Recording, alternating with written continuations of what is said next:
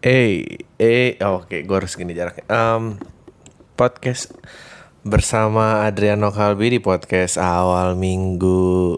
Oh, gue pengen, gue pengen mencari pembukaan yang lebih ini ya, mestinya lebih bernada announcer gitu. Hey, masih dengan Adriano Kalbi dan kalian semua lagi dengerin podcast awal minggu untuk 4 Juli 2016. Um, sekarang kita uh, mengadakan podcast edisi khusus uh, kemerdekaan Amerika ya biar uh, biar uh, ada pendengar-pendengar hipster yang lebih peduli masalah dunia daripada negara sendiri ini uh, mau tune in ya. Um, seperti pembenci-pembenci Trump yang nah ini atau yang sibuk ngomongin Brexit karena dia ngerasa lebih um, anyway sebelum gue maju lebih banyak gue masih mau plug in tentang oh ada show gue di Palembang tanggal 23 Juli uh, di Bingen Cafe. Um, presale-nya 50.000 atau saya 75.000 untuk 150 tiket saja. Pembukanya ada Mukhtar Ganda dan Misteri Guest Uh, kontak personnya tolong hubungi Libi di 0811 710 9192 please kalau emang ada eh gue nggak tahu ya berapa yang dengar gue ada di Palembang. Tapi um, semoga ada semoga sold out uh, karena this is my first show di luar I think this is my first show di Sumatera. Gue I've done show kalau per pulau sih ya Bali pernah Jawa ya pasti udah pernah lah. Uh, gue pernah lagi di Pontianak. Um, ya semoga ya nggak tahu. Mak Ma- Makassar. Pernah kan ke Makassar? ke Makassar aku ngapain ya? Nggak tahu. oh nggak ada shownya justru di Makassar. Ya Makassar tuh apa? Sulawesi? Ya? Iya. Oh sorry, justru Ma- Sulawesi Pontianak. Gua Pontianak lu sebagai mentor apa ke sana Kalimantan. Anyway, so ya eh, anjing dari lu promo iklan nggak ada semangat semangatnya gitu. Enggak, tapi yang penting kan informatif dan lu ngerti lah. Pokoknya eh, ya gitu. I, I'll see you guys there. I mean, please come out, spend your money, I'll make you laugh. I will have a good time lah. Semoga it's not gonna be a shitty show. Oke, langsung aja. Gue sebetulnya em, aduh tanggal 4 ya gue sih berharap ini eh, hari terakhir puasa karena mesti sih jarang ya sampai 30 semoga tanggal 5 udah lebaran. Karena gue nggak tahan sih eh mau Zen untuk lebih lama lagi ada di mall-mall seluruh Indonesia ini. Yang sampai sekarang gue nggak pernah ngerti apa bagusnya gitu. Ini cuma karena em, Maher Zain adalah yang menggabungkan religi dan kemajuan orang putih ya. Tai lah ngapain nih. Em, itu dan anjing jis. Udah Juli aja ya gitu berarti semuanya. Udah Juli semua yang lo cita-citakan di awal tahun tuh akhirnya nggak ada yang kejadian dan ya dari Juli ke belakang kita nungguin nungguin tahun ini habis ya dan berjuang lagi di tahun depan. Cing gitu garing. Gue gue sebetulnya nggak punya topik besar tapi karena ada yang email ini gue sangat tertolong gue jadi kebayang mau ngomongin apa. Eh nih ada dari Reza dia bilang oh Idrik kemarin nggak tahu di podcast tanggal berapa lu berstatement tentang industri kreatif. Kalau nggak salah gue dengar gini statementnya. Siapa sih di Indonesia yang bertahan dengan kreativitasnya? Coba lo Dri bahas pandangan lu tentang industri kreatif di Indonesia dan kenapa di Indonesia orang kreatif nggak bisa bertahan. Salam tai thanks. Send from Yahoo Mail for iPhone. Eh gue pernah ngomong ya ya itu emang bener. Siapa yang bertahan dengan kreativitasnya gitu? Maksudnya eh karena gini statement gue nih gue pernah ngebahas ini sama teman gue sampai berdebat panjang lebar. Eh dia waktu itu berpendapat tentang ya kalau orang-orang buruh bisa eh, bareng-bareng gitu em, berdemo. Mestinya orang-orang kreatif di Indonesia ini yang bergerak di industri kreatif eh, mestinya juga eh, berkumpul berserikat dan memperjuangkan kesejahteraannya bersama-sama gitu kenapa nggak ada sih yang kayak gini berpikiran seperti ini? Ya, jawabannya sebetulnya menurut gue tuh simpel karena yang namanya industri kreatif itu nggak ada oke? Di Indonesia tuh nggak ada industri kreatif. In- di Indonesia industri terbesar menurut gue selain yang emang bentuknya industrial ya pabrik dan segala macam ya telco eh, yang sifatnya non industri gitu ya yang non industrial maksudnya itu cuma industri politik yang ada. Maksudnya emang lo pikir eh gila Indonesia kalau bisa pemilu setahun sekali sih di jalan itu biar biar rame partisipannya yang demo-demo apa segala macam bisa nyetak flyer bisa ngambil jam tayang. Industri kreatif itu nggak ada karena ya lo lihat aja gitu pelaku yang dulunya merajai kreativitas akhirnya pun ke politik karena nggak ada duit di industri kreatif. Jadi semua yang bertahan di industri kreatif tuh cuma diliput. Yang tau kan lo kayak eh apa yang terjadi dengan doyok? Gimana kehidupannya sekarang? Lo kalau di clickbait clickbait di website tuh sedih banget men gitu. Oh Tesi ditangkap karena mengkonsumsi sabu dan ingin minum karbol untuk bunuh that's what happen kalau lu stay di dunia industri kreatif nggak ada. Gue belum pernah lihat em, ya atau kayak siapa sih yang jadi neneknya Sidul lah atau apa ngeliat rumahnya yang kecil atau whatever ya nggak ada gitu. Karena em,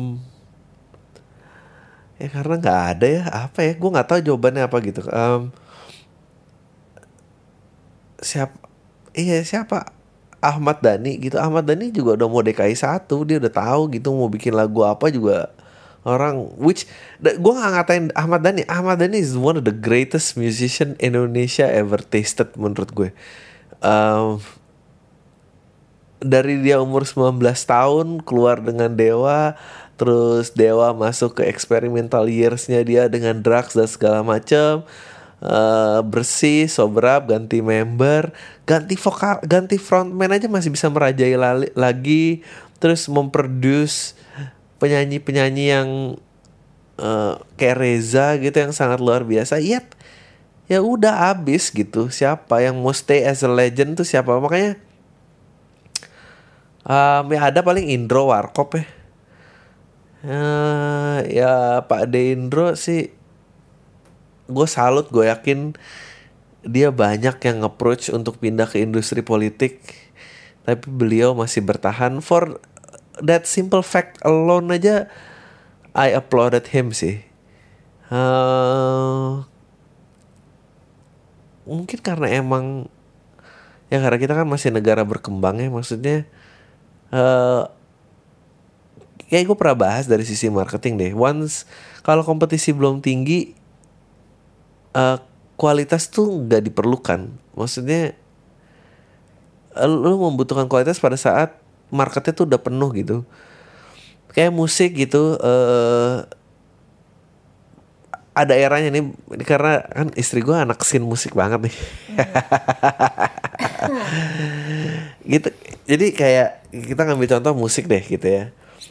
Eh kayak sekarang kenapa makin sampah? Bukan musiknya makin sampah karena penikmatnya banyak kan yang baru gitu. Jadi eh, pertama era TV doang Jakarta udah penuh udah clutter tuh segala macam and then internet era berubah lagi abis itu mobile device era ya ya keluar yang rapper-rapper yang lagi diributin sekarang dan um, dan buat orang yang siapa tuh teo.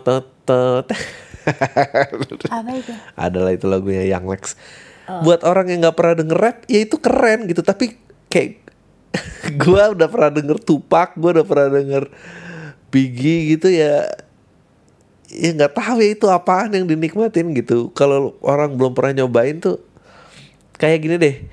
Lo ingat sih pertama kali eh lo ngerasain spaghetti tuh di Pizza Hut gitu. Enak banget kan rasanya gitu kan. Terus once lo udah ngerasain spaghetti di Pizza Express anjing nih spaghetti Pizza Hut nih kayak tahi gitu kan. Nah em, karena kita di tahapan itu gitu masih konsumennya tuh masih melebar terus sama ya itu juga yang terjadi dengan itu yang terjadi dengan TV, itu yang terjadi dengan bioskop gitu. Ke- kalau lu tanya karena ekspansi terhadap eh, measurement terhadap eh, konsumen-konsumen yang baru lagi gitu. Jadi yang kayak gitu-gitu ya sama lah komedi juga ya, yang laku gitu, cuy gitu. Marah-marah aja lah Dri. Lu mau ke mana sih Dri dengan ini? Nggak, gua, ini berhubung karena ada istri gue lagi pengen ngobrolin kayak tentang Kamu kan eh tracks tahun berapa sampai berapa? Hah, Nggak mau ya? hmm, Tahun berapa? 2004 sampai 2012. At that time, at that time, eh ceritain dong, what makes it so special? Waktu itu masih MTV ya?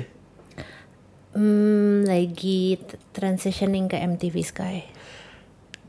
Kenapa itu eranya keren banget? Itu obviously MTV itu um, MTV Radio tuh post Bos apa? post apa ya? Kamu ngomong apa? Enggak, kalau Dewa tuh habis album berapa? Pandawa 5. Habis Pandawa 5 apa Maksudnya dia dia berdiri. Ah, 2004 kan eh, ya MTV tuh tahun, Tahun berapa sih? 2000. Tahun 2000 kan? Tahun 2000 tuh berarti eh, after after Soeharto turun eh, and then medianya masih terpusat di Jakarta tapi stasiun TV-nya berkembang gitu kan. Ya. And then eh, tadinya juga udah ada tuh kayak scene-scene musik eh, Jakarta udah penuh, semua ke Jakarta kan meskipun bawa daerahnya masing-masing ya Dewa and then eh Club Project terus yang kayak gitu-gitu udah mulai turun, Sheila on Seven tuh naik. Ya. Terus eh, Bandung scene happening ma- makin kuat. And then Jakarta tuh kebentuk scene baru lagi yang waktu itu kayaknya radio yang memutar cuma MTV kan. Ya. Makanya jadi keren banget kan. Ya. Nah, ya kamu cerita aja dulu eh, gimana orang-orangnya bisa muncul terus struggle to survive-nya gimana. Yang nama-nama yang yang sekarang udah gede banget ya gitu seperti eh, Seringai, seperti White Shoes and the Couples Company, and pokoknya semua labelnya Aksara lah emerging tuh. Banyak yang dari situ gitu. eh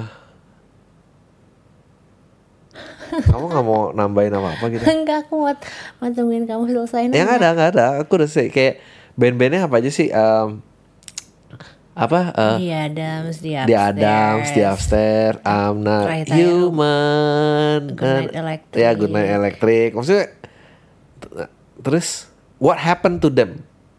Awalnya. Iya iya iya. Em, kayaknya dulu belum banyak eh, opsi, belum banyak pilihan eh, dan radio. eh, aku nggak tahu perbandingannya sama radio lain karena aku I, I don't really know how they work. Tapi eh, entah kenapa eh, brand musik itu emang nempelnya ke Trax FM. Oh by the way, happy birthday Trax FM. Hari Jumat kemarin ulang tahun ke-16. Tanggal Ah berapa oke. tuh? Ah oke. Ya. Eh, Oh ya tahun 2000 berarti itu. kan? Terus eh jadi masih Hmm. masih seyogyanya radio di Ya, mana ya, ya, ya. band-band itu ngirimin demo and then we select them Ya. out of bunch nanti masukin ke I don't know bisa di segmen musik Indonesia, bisa di segmen cutting edge, bisa di mana ya, aja. ya, ya. Dan em, dulu yang ada di situ itu hatinya benar-benar ada di situ. Nah itu tuh yang gue suka. Eh, jadi kita nggak cuma eh, kerja, kerja kerja for the sake of the of kerja tapi kayak emang main di lingkungan itu Hmm. Emang nongkrong, emang apa Ya, gitu ya? kayak misalnya eh, Semi sama Ricky Seringai Ricky dulu produser di Trax FM Hmm. Ya. Semi sebelum di Gen tuh di Trax gitu terus Semi sekarang siaran di Gen? udah nggak tapi Set ya. Terus? ini kamu ini siaran di Marketeers nggak Maksudnya oh kenapa ya? nggak nyebut brand Oh nggak apa-apa. Oh, paling di sensor ya. Enggak sih kayaknya. Oke. Em, ya jadi so tapi yang what I like about that era at 2000-an gitu ya. eh, meskipun eh marketnya gue nggak tahu ya apakah marketnya melebar apa enggak tapi pemainnya tuh do not take the innocence of of a new listener you know kalau kita upamakan si rap yang lagi beredar heboh dan segala macam itu itu sih straight away langsung eh, market naif of mobile devices gua hajar ini mereka nggak pernah dengar musik lain bam jadi gitu. Karena kalau mau disandingin sama rap ya sama Iwaka aja kalah kali gitu. Maksudnya kan Iya. lu nggak kena lu nggak kena di di di old listener gitu. Ap- apa sih yang yang bikin mereka Dan dulu tuh eh, dulu Anjing, tuh now we sound like old people. Dulu tuh ya No, I'm sebelum inter telling you, tapi kayak dulu tuh mm, misalnya uh, Avril Lavigne, Avril Ya. Lavigne tuh sampah kan. Ya. Dulu tuh eh, ditanyain tuh sama anak-anak, eh, maksudnya Avril Lavigne tuh sampah, tapi bagi orang yang naif dia tuh princess of punk Ya. or punk pop or Ya, ya, ya. well it's not punk at all sih menurut aku. Terus abis itu eh, dulu tuh aku sempat ditanyain sama teman-teman, lu suka Avril Lavigne nggak? Hmm. Enggak. And then they would just Na, na, na, na, na, na, na, na, na. Aduh. Terus they, they would just go on air bitching about Avril Lavigne Hmm. and and nobody s- stopped them fr- from doing so Hmm. because it was alright. Tapi sekarang tuh um, karena butuh duit banget industri itu. ya, ya, ya. Jadi kayak yang Avril Lavigne dipegang sama label ini jangan jelek-jelekin deh daripada lo Oh, nggak iya, di uh, contribute lagi sama label ini yang kayak gitu-gitu loh Eh, dulu lumayan ada ruangan untuk uh, uh, rebel gitu. Ya ya ya dulu eh, itu, itu itulah enaknya eh, pada saat ya kayak kayak podcast ini ya. So, gue sih merasa podcast ini tuh keren karena nggak sumpah gue merasa keren wawancara juga maksud gue eh, yang pernah dengerin wawancara wawancaranya kayaknya eh, lu nggak nemuin wawancara ini di tempat lain gitu tapi semua ini tuh bisa kejadian karena nggak ada yang nebengin ngerti ya? Kayak kayak sponsorship gue ya cuma baru eh, marketer situ juga dia memberikan total kebebasan. Ya udah kayak uh, dan MTV kalau nggak salah pada saat itu juga dia bukan sebetulnya pengen beda. MTV tuh karena uh, nggak ada yang mau sponsorin. Maksudnya terus dia jadi bekerja sama musisi-musisi yang ny- nyari airtime kan Ya, ya kan hmm, nggak tahu deh ada yang mau sponsorin apa enggak. ya maksudnya secara budgetnya kayaknya ku- kurang gitu dibanding hard rock sih kayaknya jauh gitu kan Oh ya. Iya. So that's ya kalau lo balik lagi ke ke industri kreatif dan segala macam, it's selalu tantangannya itu gitu, selalu em, semua mulai itu semua bisa idealis gitu. Tapi once udah ada sponsorship atau money riding atau kayak ada pihak label yang nggak boleh disinggung atau apa, nah di situ tuh yang langsung jadi tanda tanya gitu. Hmm. Em, oh ini gue sekalian menjawab ada pertanyaan. Eh nggak usah deh. Ngomongin dulu aja gitu. Nah ah iya terus apa? Ya nggak dulu lebih jelas aja jalan orang untuk uh, jadi besar di bidangnya. Hmm. In this case in music itu lebih jelas bahwa memang lebih jelasnya gitu ya memang kamu harus ngirim demo ke radio and radio will make you big.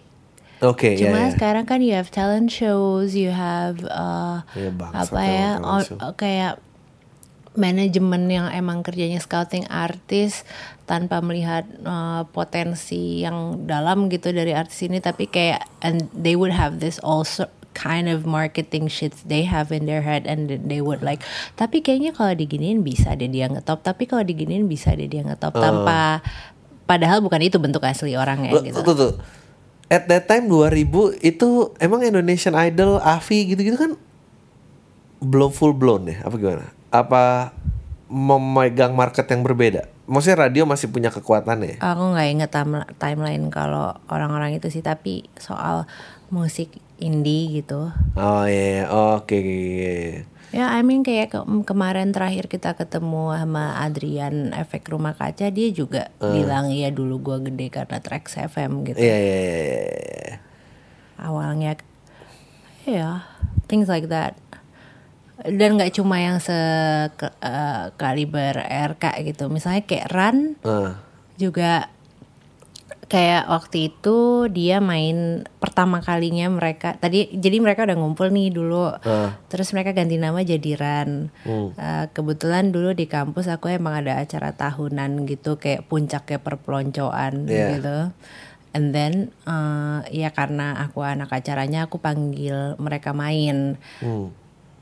because the girlfriend now the uh, wife is um, one of their you know spouse. Terus abis itu tapi menurut aku secara apa ya kayak di kepala aku dulu menganggap mereka emang boy band sih tanda kutip gitu menurut aku mereka uh, eh ya punya potensi lah. Masih ada flare-nya lah. Masih ada flare-nya gitu, enggak enggak. I think I think their song yang benar-benar mendefine mereka tuh si kayak uh, uh, apa uh, ratu lebah atau bersepeda itu ya i- i- itu tepat tuh di mereka gitu. Iya. Kalau sekarang kan kayak eh, dan nggak terlalu pretentious. Jadi waktu itu mereka ngasih ngasih demo, gue bilang oh you guys are quite okay gitu, quite cool. Terus ya udah aku biarin aja main di acara aku. Terus demonya masih aku pegang sampai sekarang. oke. Terus aku kasih ke radio tempat aku kerja aja.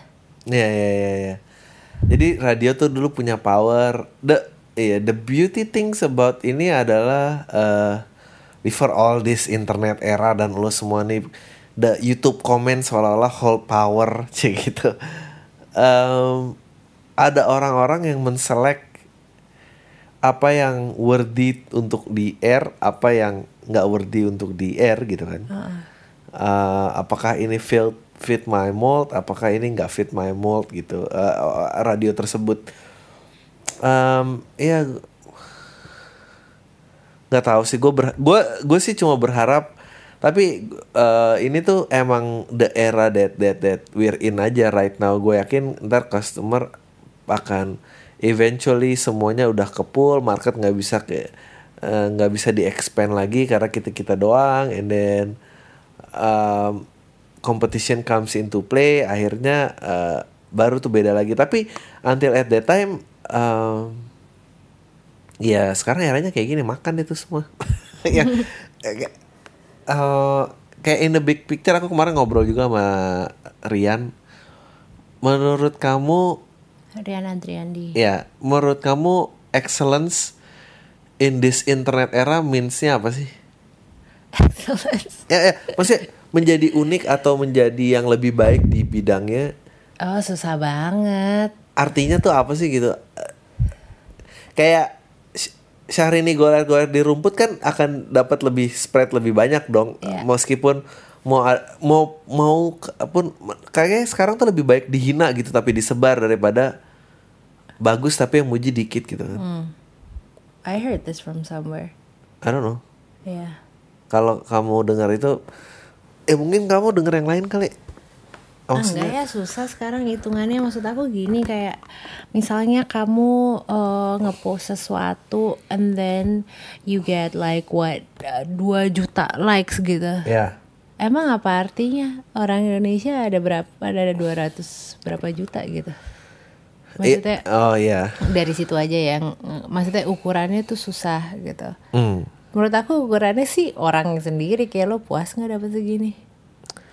Iya, tapi kan permasalahannya eh, ka- dengan 2 juta likes itu sponsorship atau yang mau nge-ride kan jadi banyak gitu yang mau Ya, nebeng situ kembali jadi ke banyak. kamu lagi kan. Oh ya dengan gua 2 juta likes gue dapat endorsement nilainya 200 juta Yeah, so what I'm trying to say adalah kalau kamu di di industri kreatif terus em, eh, kamu show something qu- quality artinya tuh apa gitu? Hampir nggak ada artinya ya hampir nggak ada artinya Lebih lebih mending dapat 2 juta likes itu ya kalau mau ada result ya. iya nggak ada artinya lah sama kayak kamu bikin uh, Kan aku- TV show kamu sama Angga Hah? Sasongko Emang apa sih yang kamu dapat? Maksud aku, you don't. Bangsat. I mean like you don't get the money, aku you get dapet- praises, Iya iya. and Aku you get dapat lingkaran pertemanan yang baru. Exactly. Iya iya. Jadi itu valuable banget kan, uh, invaluable ke banget. ke Tio Pakusadewa aku cuma beda satu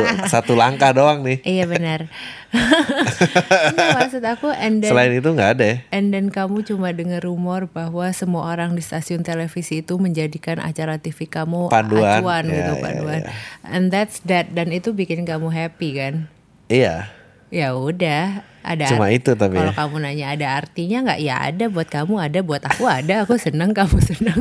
Iya. Dan so kamu- much kalau kamu punya ambisi Eh. kayak I don't know some people. Jadi jadi ya, pendengar podcast ini sebetulnya bisa ngejudge juga gitu orang-orang yang akhirnya gede gitu ya, yang yang uh, uh, uh, yang nggak mempertahankan integritinya itu pasangan yang nempel juga mungkin nggak? Gitu.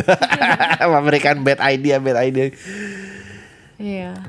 ya ya makanya. Tapi aduh tapi sampai kapan ya gitu? Kayak gue juga merindukan. I don't think you should worry though. Ya, ya, I'm not- I'm not- ya, le- aku juga bisa akhirnya berusaha manfaatkan dengan SoundCloud ini dan segala macam.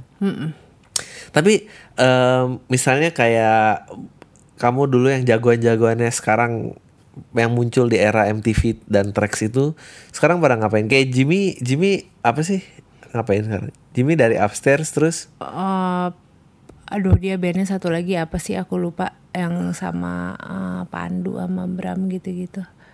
Morfem, oh Morfem, oh Morfem keren ya. Morfem terus. Well Jimmy works now. Eh Jimmy kerja. Uh, Ya, ini ini ini ini kita benar-benar membahas daging-daging industri kreatif nih biar lo semua dengerin.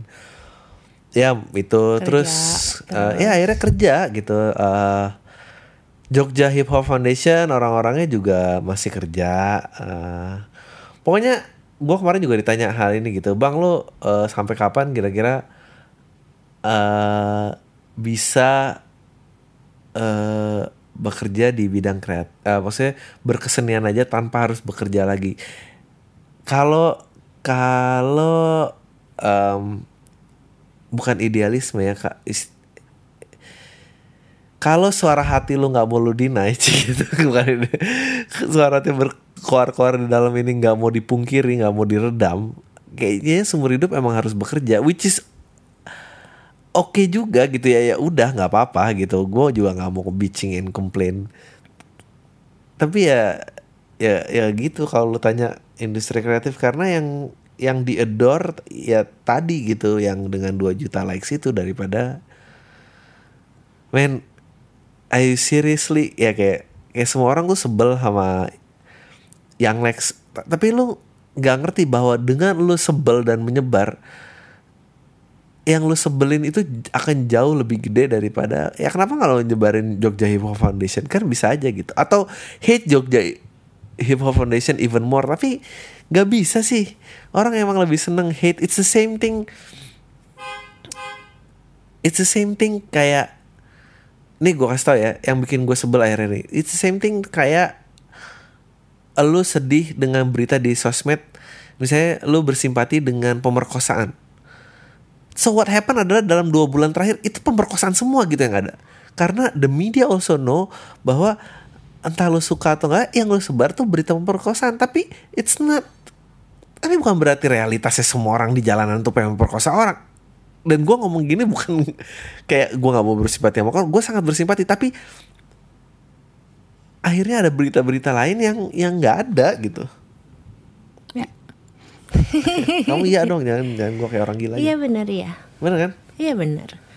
ya so gitu apa lagi ya Jiwi semuanya hampir semua bekerja ya seringnya ya orang-orangnya juga kerja ya Mm, Iya punya ada usaha. punya usaha punya apa gitu Eh, who else gitu Eh, Mondo usaha juga siapa ya udah gitu ya lu kalau mau tahu tuh ya kayak gitulah Em, yang merajai ya. Gue tuh selalu kasihan kalau udah kayak berita "Oh, rumah Emponori aduh gila kayak ya tuh lu lihat tuh. Emponori? ya nggak maksudnya Oh, masih ada gak sih Ponori itu masih hidup atau udah meninggal sih? Ya kalau lu mau tanya kenapa kenapa semua artis selalu pengen ke po- politik? Ya karena kalau nggak kayak Tesi minum pemutih biar ini. Kamu lagi gua jadi Google Ponori nih. Itu apa Pornori. Ponori hanya 1930 Udah meninggal. meninggalnya 2015 itu pasti lo yang ada liputan rumahnya itu dia cuma segini apa yang kayak gitu-gitu loh. Tapi itu yang mesti dipuji karena dia nggak ke mana-mana. Dia di industri kreatif kalau nggak ada dia die di situ. Itu yang hebat. Gue sih udah nggak nggak nggak gue juga nggak nyalahin orang-orang yang ke politik. Gue juga kalau Kalau apa? Dead air, dead air. eh nggak apa-apa DTR nggak eh kamu kalau aku ke politik kamu kecewa nggak Kecewa atau enggak? Eh. Tapi what kind of politician are you planning to be? eh wakil rakyat lah yang pasti. Enggak juga sih, tergantung. Kenapa aku harus kecewa kalau Oh ya nggak tahu. enggak? Kayak gue udah pernah terkenal I don't dalam have bidang a, I don't have any resentment uh, with uh, politician soalnya. Oh, nggak artis yang terus jadi politician? Oh, kalau kamu yang udah artis? kalau yang bego, kalau yang bego sih I have the huge resentment. Cuma kan nggak semuanya bego. Ada yang semuanya haus sp- haus spotlight, Sia- tapi dia si- bego-bego. Oke, banget. sia- siapa sih yang eh, yang mantan artis yang cukup capable dalam bidang politik? Rike Dia Pitaloka. Rika Pitaloka gue setuju. Rano Karno juga gue masih lumayan. Who else? Ya bukan Anang. Bukan Anang. Roni Sianturi. Ah, nggak ngikutin. Emang dia di ini. I think I think oke let's Google Roni Sianturi. Ini kita um, Oh, Roni Sianturi punya Instagram. Tunggu, sudikah kamu? Nah, nah, nah. Oh, Yani Libels meninggal. Oh, Oh, shit. meninggal. Kenapa dia? Um, you know. Oh, oh 2015. Roni Sianturi bukan. Roni Sianturi bukan politisi ya? Oh, tunggu bentar. Kita cari artis yang menjadi politisi. Kamu udah keburu ditinggalin yang denger. Enggak, ini semua seneng Enggak ada kok. kerjaan. Lima artis Indonesia. Oke. Oh, Deddy Miswar, no gue sih. Oh nih daftar selebriti politisi Indonesia. Dede Yusuf, ye or nay? Eh, nggak ngikutin tapi kayaknya nggak terlalu denger yang Oh. terlalu jelek ya. Deddy Miswar, ada Deddy Miswar, no sih gue. Zumi Zola, ah, actually, gue dulu dia gubernur Jambi. Gue dulu main basket nih sama orang ini. Tapi gak kenal kenal. Hanya Diki Chan, oke. Rano Karno, Diki Chandra, Sigit Pranowo, Samsudi saya, Nurul Arifin, oke. Oke, Sewati. Eh, ngomong-ngomong itu, vokalisnya, vokalisnya apa dulu? Han, yang mereka bersaudara. Nu, Syaden, Nuri Syaden juga udah jadi wakil rakyat. Nuri Syaden bukannya Emang dia pintar bi? Aduh. Gue gue sih dulu sekelas dan satu bangku. Agak kurang oke dia Teti pindahan gitu. Oke, ini ya. Nurul Arifin oke oke Sokawati nggak tahu siapa Deddy Gumelar nggak tahu siapa Teti Jadi Gumelar Miing. Oh, Miing. Bagito. Dia dia, kayaknya oke. dia oke Teti Kadi aduh nggak tahu siapa Tadi Kadi zaman dulu banget. Ingrid Kansil aduh Aji Mas Said Aji Mas Said lumayan ya Vena Melinda. Vena Melinda tuh makan Jamal Mirdad ya Allah Jamal Mirdad angkornya DPR Jawa Tengah kita kan ngata-ngatain semua orang aja ya, i- tapi orang ini bukan bukan eh, tentu dia jahat tapi dia mereka ya emang susah survive di industri kreatif makanya ke sana Rika di Kapitaloka oke Rahel Mariam Nggak ngikutin. Nah. Nggak ada suaranya kayaknya. Ruhut Sitompul Primus Primus aja pak anggota DPR Jawa Barat 9 buset deh. Desi Ratnasari oke. Krisna Mukti.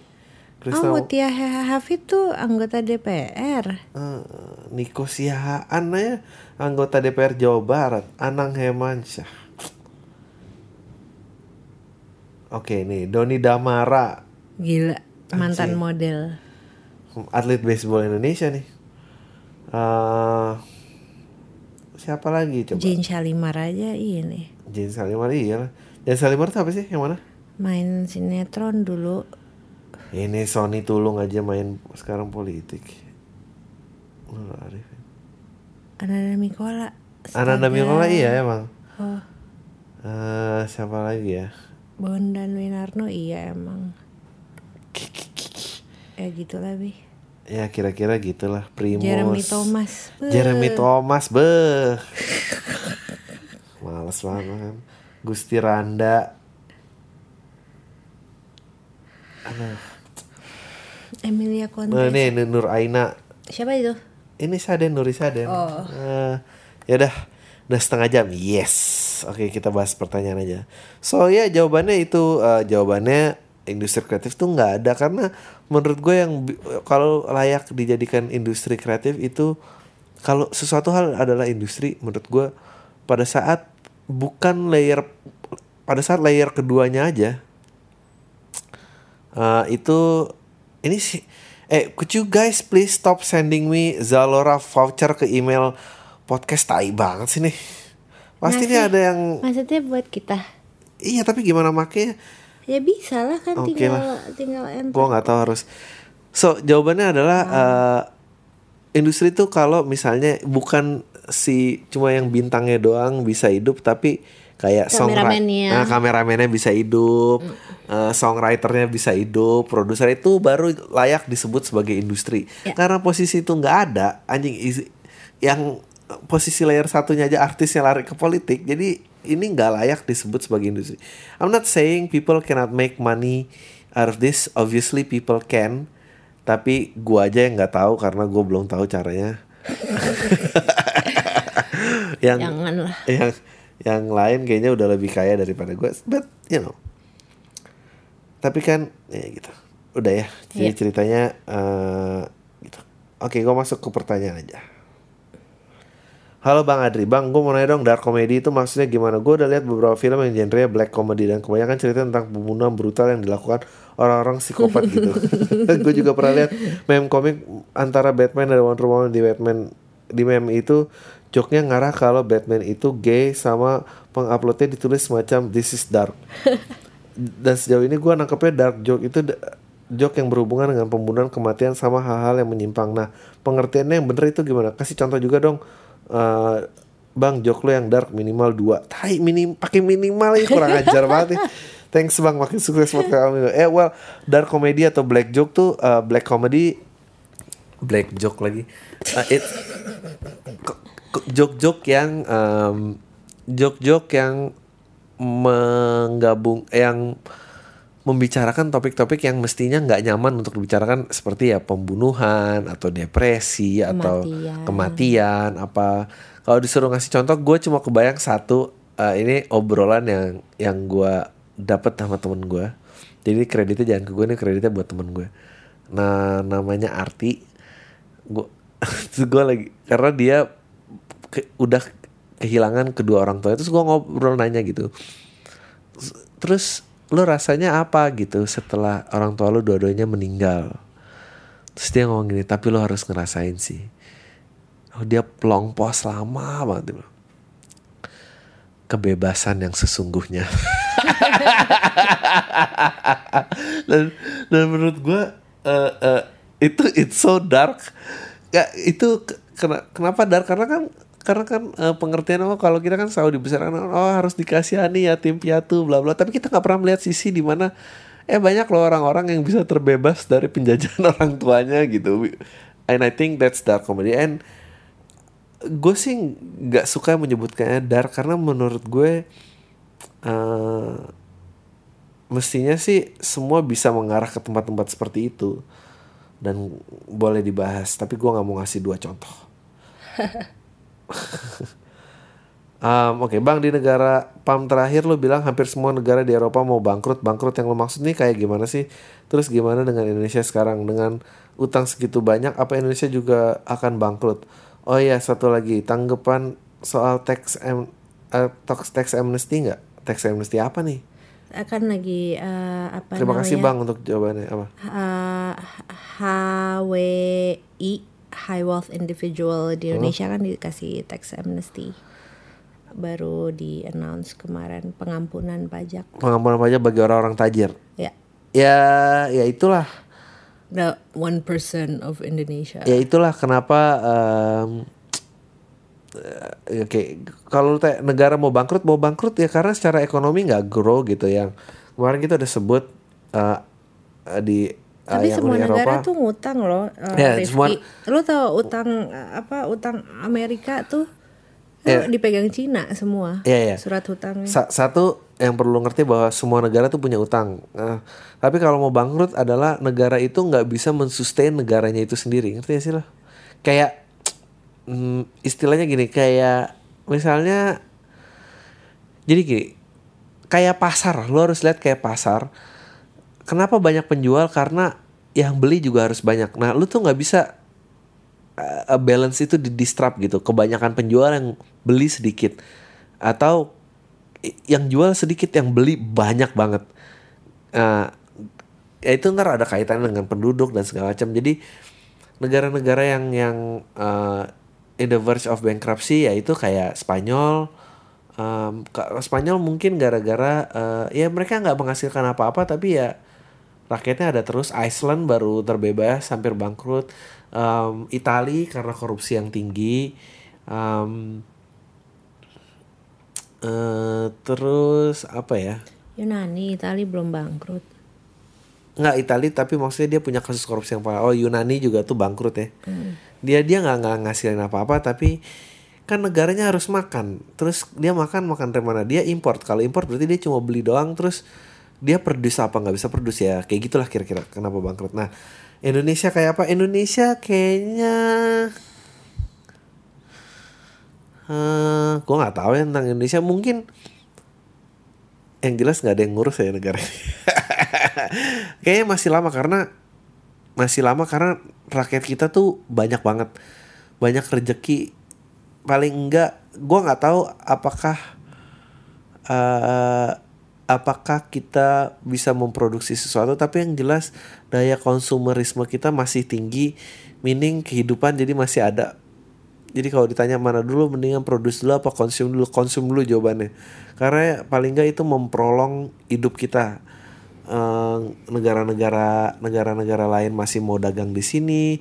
Uh, karena kalau rakyat lu sedikit ya negara lain juga ogah dagang di sini. Dan itu uh, bikin lu tambah cepat mati udah nggak produce apa-apa terus nggak ada yang mau beli lagi. Uh, kalau di kita masih lama karena ya masih banyak 230 juta rakyat yang masih bisa diperbudak dengan utangnya itu satu. Kedua nah ya kalau soal tax amnesty itu ya ya itulah. Uh, mestinya sih yang tajir jangan dikasih pengampunan pajak ya. Cuma uh, di sisi lain gue juga bisa karena pajak yang tajir itu yang dari orang tajir itu yang akan berpengaruh sama perkembangan negara ini.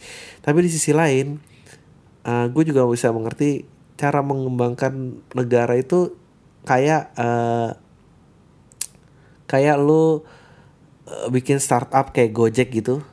Kalau mau gabung semua dilur dulu dengan subsidi. Udah deh diampunin dikasih yang manis-manis lah. Biar terjerat baru ternyata dia selama lamanya jadi karyawan Gojek dan gak punya future di tempat lain ya kan emang gitu kan caranya? Sama kayak ngedeketin orang lah. Jadi semoga aja ini ada follow upnya. Jangan cuma diampunin terus nggak diikat gitu. Karena harus diikat. Kan seolah kalau diampunin aja jadi mau ngaku kesalahannya apa aja. Terus oh ya udah oke. Okay, nah dia jadi rutin bayar pajak. Jangan diampunin terus tiba-tiba uh, presidennya ganti terus pengampunan lagi ini lagi ya gitu-gitu lah. Oke. okay. Ah ya oke okay. oh 42 minutes. Halo bang. Bang gue sekarang lagi dekat sama cewek di kampus. Orangnya baik, aktif ya, lumayan perfect lah. Gue udah sering jalan bareng nonton. Kebetulan hobi kita sama fotografi. Gue ngerasa cocok banget Tapi semua itu berubah. Suatu hari gue sama dia naik transportasi umum Dan kebagian tempat duduk. Dan akhirnya terpaksa berdiri. Di sinilah gue merasa ilfil Waktu tangannya yang satu tergantung. Anjir burket dan bau banget.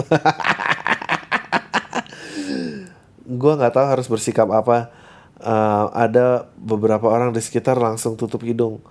Terus ada yang cari tempat baru. Gue mau negor dia tapi gue takut bang. Gimana bang cara bilangnya yang baik tanpa menyinggung perasaannya? Oke segitu aja. Nggak kepanjangan kan bang? Sukses terus bang. Anjing. Gue uh, salah satu yang percaya. Gue salah satu yang percaya orang yang bawa badan mesti di penjara sih. Sumpah. Kayak uh, bilangnya gimana ya? Nggak tahu ya. Nggak tahu aku bacanya kan dia ilfil ya. Uh. ya udah kalau ilfil ya tetap ilfil aja nggak usah nah, maksudnya nggak usah berusaha nyari jalan gimana caranya kasih tahu. I mean I don't know if you still care about her. Ya lu gimana sih? Udah sering jalan nonton tuh kok nggak ketahuan? Mm -mm. ya ternyata cinta bukan cuma membutakan mata tapi bikin hidung mampet juga iya. fotografi. Iya emang kalau dari foto lo hobi lo fotografi sih emang bau tuh nggak bisa difoto soalnya. Dari foto gak ketahuan. Nggak apa-apa banyak orang yang hobinya fotografi sekarang sering foto-foto dan segala macam. Ih gue paling gak tahan. Apa ya gue sendiri pun orangnya paling sensitif gue bisa sehari ganti kaos tiga kali karena saking udah nggak nyaman aja. Terus istri gue ketawa banget tuh dia. Seneng banget nih gue ngomongin ini. Uh, kamu ngomong gimana apa kamu kalau kamu bau kamu berharap aku bilang sama kamu gak? tapi kita udah kawin sih Iya. Kalau masih Kan ngedeketin, aku bilang kalau kamu lagi mambu. ya itu udah kawin. Iya. Tapi kalau lagi ngedeketin ada cara nggak gimana caranya cowok bisa bilang ke kamu kalau kamu bawa badan? Maksud aku, aku tuh nggak pernah ada di posisi ini ya, ke posisi dia. Seandainya kalau kamu bawa badan. Seandainya. Car- eh, kalau ada, kalau ada yang Kalau kamu bawa badan, kalau kamu bawa badan yang ngedeketin, kamu berharap yang ngedeketin kamu bilang nggak ke kamu? enggak, Enggak ya? enggak. Terus biarin aja kamu hidup dengan kebawaan kamu. Ad- pasti kalau bau banget ada yang ngasih tahu. Selain orang yang deketin, Ke- it can be really hurtful. Aduh, batu tawas murah loh men padahal. Berapa sih? Nyarinya di mana sih Tamas? Ada di pasar-pasar gitu jualan kok. Men, gua nggak tahu men. Ini mau disebut namanya nggak? Gak usah, gue nggak sebut namanya. Em, gimana cara? Eh, eh gini deh, gue undang eh, orang-orang yang dengar podcast ini. Kalau lu punya saran cara ngasih tahu ceweknya bau, lu bisa email ke podcastalminggu@gmail.com atau ke SFM gue Adriano Kalbi. Eh, kasih aja hashtag BB mengat So hashtag savvy gitu. hashtag mengatasi BB udah itu aja gimana? Ntar gue bacain minggu depan. Aduh. Would you be interested in performing around your country? Uh Hey Jamie, yeah of course. of course. And I'm, I'm gonna reply. Ini kayaknya job kerjaan deh. Oke Uh, I don't know who Oke, jangan sebutin nama saya mas. Saya dari Kota Batu, pendengar Sendiapam dari episode 1. Emailnya sebenarnya panjang karena sebelum tulisan ini jadi saya udah ngetik beberapa kali hampir satu jam. Tapi ha- hapus terus, hapus terus, tulis terus. Oke langsung aja. Mau tanya gimana caranya biar nggak iri sama orang mas anjing. Karena Pam berapa kali ngomongin ini dan tapi saya kurang paham bahasannya buat orang semacam saya yang selama SD sampai lulus SMA prestasinya maksimal cuma dapat ranking 6 makasih mas. Terus bu- bagus kali. terus buat pamer eh keinginan bagus kali gue nggak tahu ya Em, biar nggak iri sama orang ya I think you should find what you like temuin apa ya ini dari kota batu bisa bahasa Inggris ya Kamu jahat banget sih. Aku sering Batu kayak gini. tuh one of the most emerging series in Java loh. oke Uh. Berarti ada kursus bahasa Inggris dong Tapi bacanya bukan batu sih, batu bacanya. Oh, Ada M. Batu. Um, di kota Batu, eh, gua rasa ah gimana cara biar nggak iri sama orang. Satu, lu temuin apa yang lu suka. Pada saat lu udah suka banget, Stick lu, with it. eh, stick with it, udah fokus, udah jalanin sebaik-baiknya.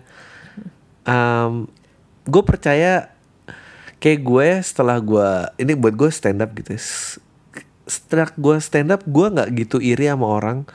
Meskipun pada saat menjalani bidang itu ada ada battle yang lain gitu, jadi kayak anjing iri sama jok orang apa segala macam. Tapi at least paling nggak berkurang gitu. Kayak misalnya kalau gue ketemu orang yang eh cuma berkarir aja gitu gue ngerasa tapi dia nggak cinta-cinta banget sama karirnya gue ngerasa kayak anjing hidup lu sepi banget ya gitu hidup lu nggak ada warna lain ya selain ini. Jadi itu agak membantu gue untuk gak iri sama orang sih. Kalau menurut aku ini deh, em, jangan keseringan buka sosial media oh iya iya karena bener. semua orang tuh punya masalah. Yang lo tahu tuh cuma yang di eh, Iya, permukaan. semua permukaan orang tuh selalu tampil keren dan segala macam seolah nggak ada masalah padahal mah semua cuma manusia Iya. Uh, uh, itu dia kenapa uh, sebetulnya tujuannya eh nggak tahu deh nggak jadi joke kasar Uh, Udah. oke. Ini apa tuh? sebut aja nama gue nggak apa-apa bang dari selamat soalnya teman-teman gue nggak ada yang dengerin pam lu. Sedih ya. gue mau cerita aja bang. Gue punya teman cowok lebih tua dia sosialita banget menurut gue Uh, ap- apa pun yang dia post sempat dia caption di IG kalau mau endorse bisa hubungi di nomor ini. Anjing kampung banget temen lo gitu gitulah dan rambut dia gondrong diwarnain oranye kayak sole gitu. Tapi kalau di post di medsos selalu dia buat fotonya jadi BW biar diedit warna rambutnya jadi putih. Gue pengen tegur dia sebagai teman tapi udah males ya. Itu hidup hidup aja sih. Tapi kasihan juga guanya dia sampai segitunya untuk ngejar fame. Kalau lu punya teman kayak gitu please uh, please don't stop the podcast. Please don't stop the podcast. Um, gue nggak main sih sama orang-orang kayak gitu males. Tapi parah banget ya. Gue nggak kebayang kalau gue ngepost di Instagram terus ada caption ya kalau gue cocok buat brand lo please kontak anjing males banget um, Iya, orang-orang kayak gini mah dikata-katain aja men, jadi materi lo atau uh, kalau misalnya ada cewek yang naksir dia tapi lo taksir ya lo jelekin gitu gitu. Sumpah lo suka sama dia gitu kayak apanya sih gitu. Iya. Yakin itu rambut orange loh. Ih, ya ampun. Lu tau gak sih dia tuh milih orange lu kebayang lu gue selalu gue selalu menerapkan ini ya. Kalau dia milih orange lu kebayang nggak jeleknya warna yang nggak dia pilih itu apa? Kalau orange tuh adalah pilihan yang paling bagus. Nah nah nah nah nah nah nah, nah. oke em, dan halo bang Adri. Gue pengen nanya gue bekerja di salah satu perusahaan biro jasa travel. Mau nanya bang gue selalu merasa kesel ketika ada orang yang kayaknya kinerja di bawah gue tapi mendapatkan reward yang lebih tinggi dari gue padahal sales penjualannya juga bagusan gue ha kayak lu merasakan hal yang sama itu salah sa- itu salah di diri gue atau emang atasan gue aja yang pilih kasih thanks gue ngerasain hal yang sama dan I think gue juga ngerasain Iya, kamu juga ya. I think that's just how life works, tau gak lo? Kayak emang hidup tuh kayak gitu. Gue uh, jarang gitu yang yang uh, lu mendap orang yang patut mendapatkan di titik yang dia dapatkan gitu. Uh, sedihnya emang gitu. Gue sih kalau kayak gitu-gitu apa ya? tapi ya Apa? Eh, waktu itu aku pernah mengkontemplasikan hal ini ke beberapa kelompok pertemanan aku Hmm. jadi walaupun nggak bisa di eh, generalize tapi yang ditemukan adalah itu adalah karena most of us eh, orang in Indonesia itu eh, nggak bisa mengutarakan maunya apa Hmm.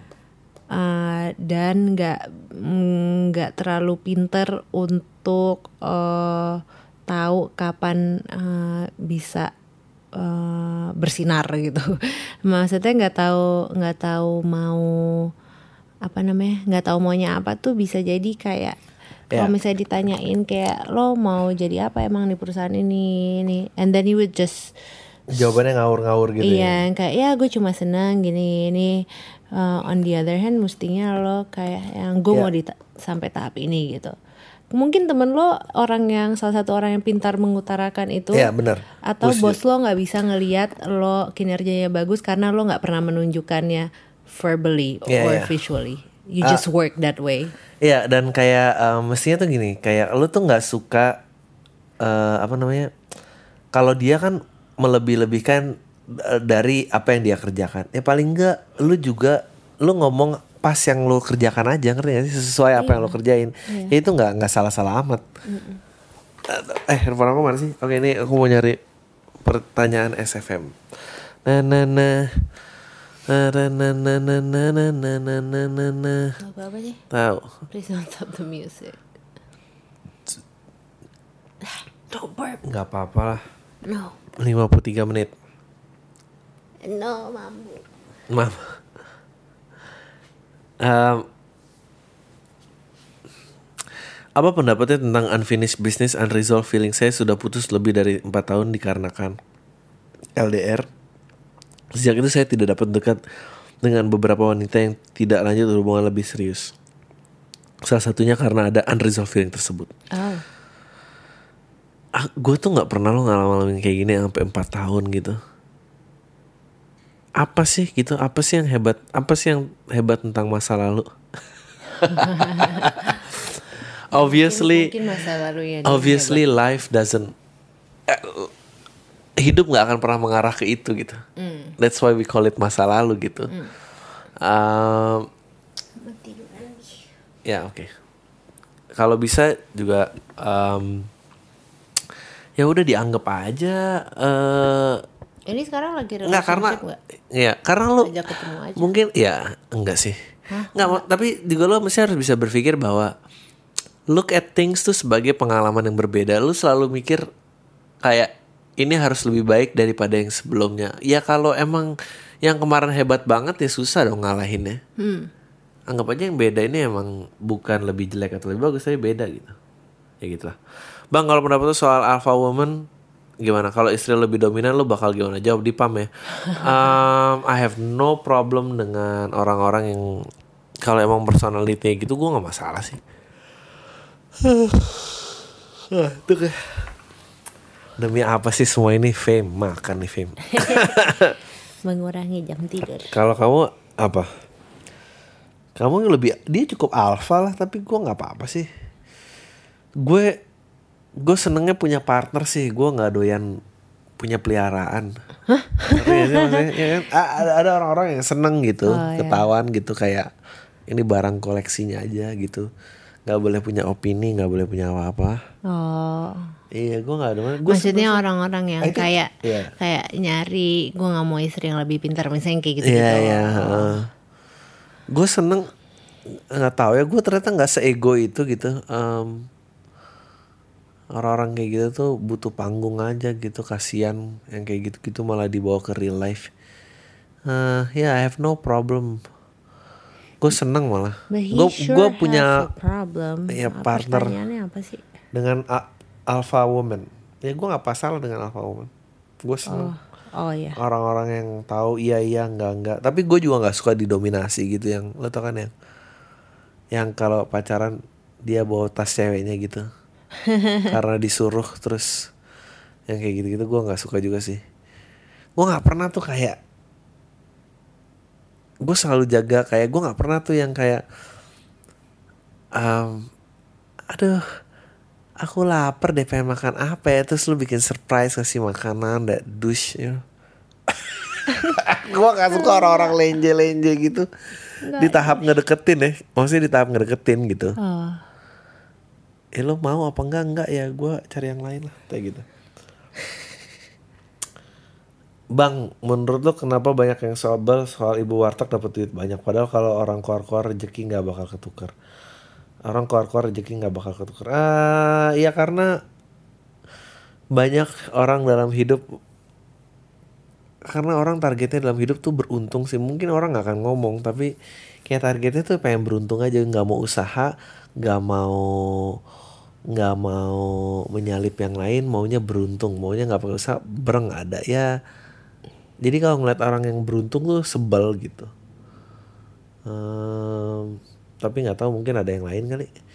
Kalau yang masalah ibu-ibu warteg, ada yang masalah, lo tau kan? Masalah value bahwa oh ini secara agama salah, namanya that douche. Gue gue gak ngerti sama orang-orang itu mungkin masalah yang lain lagi.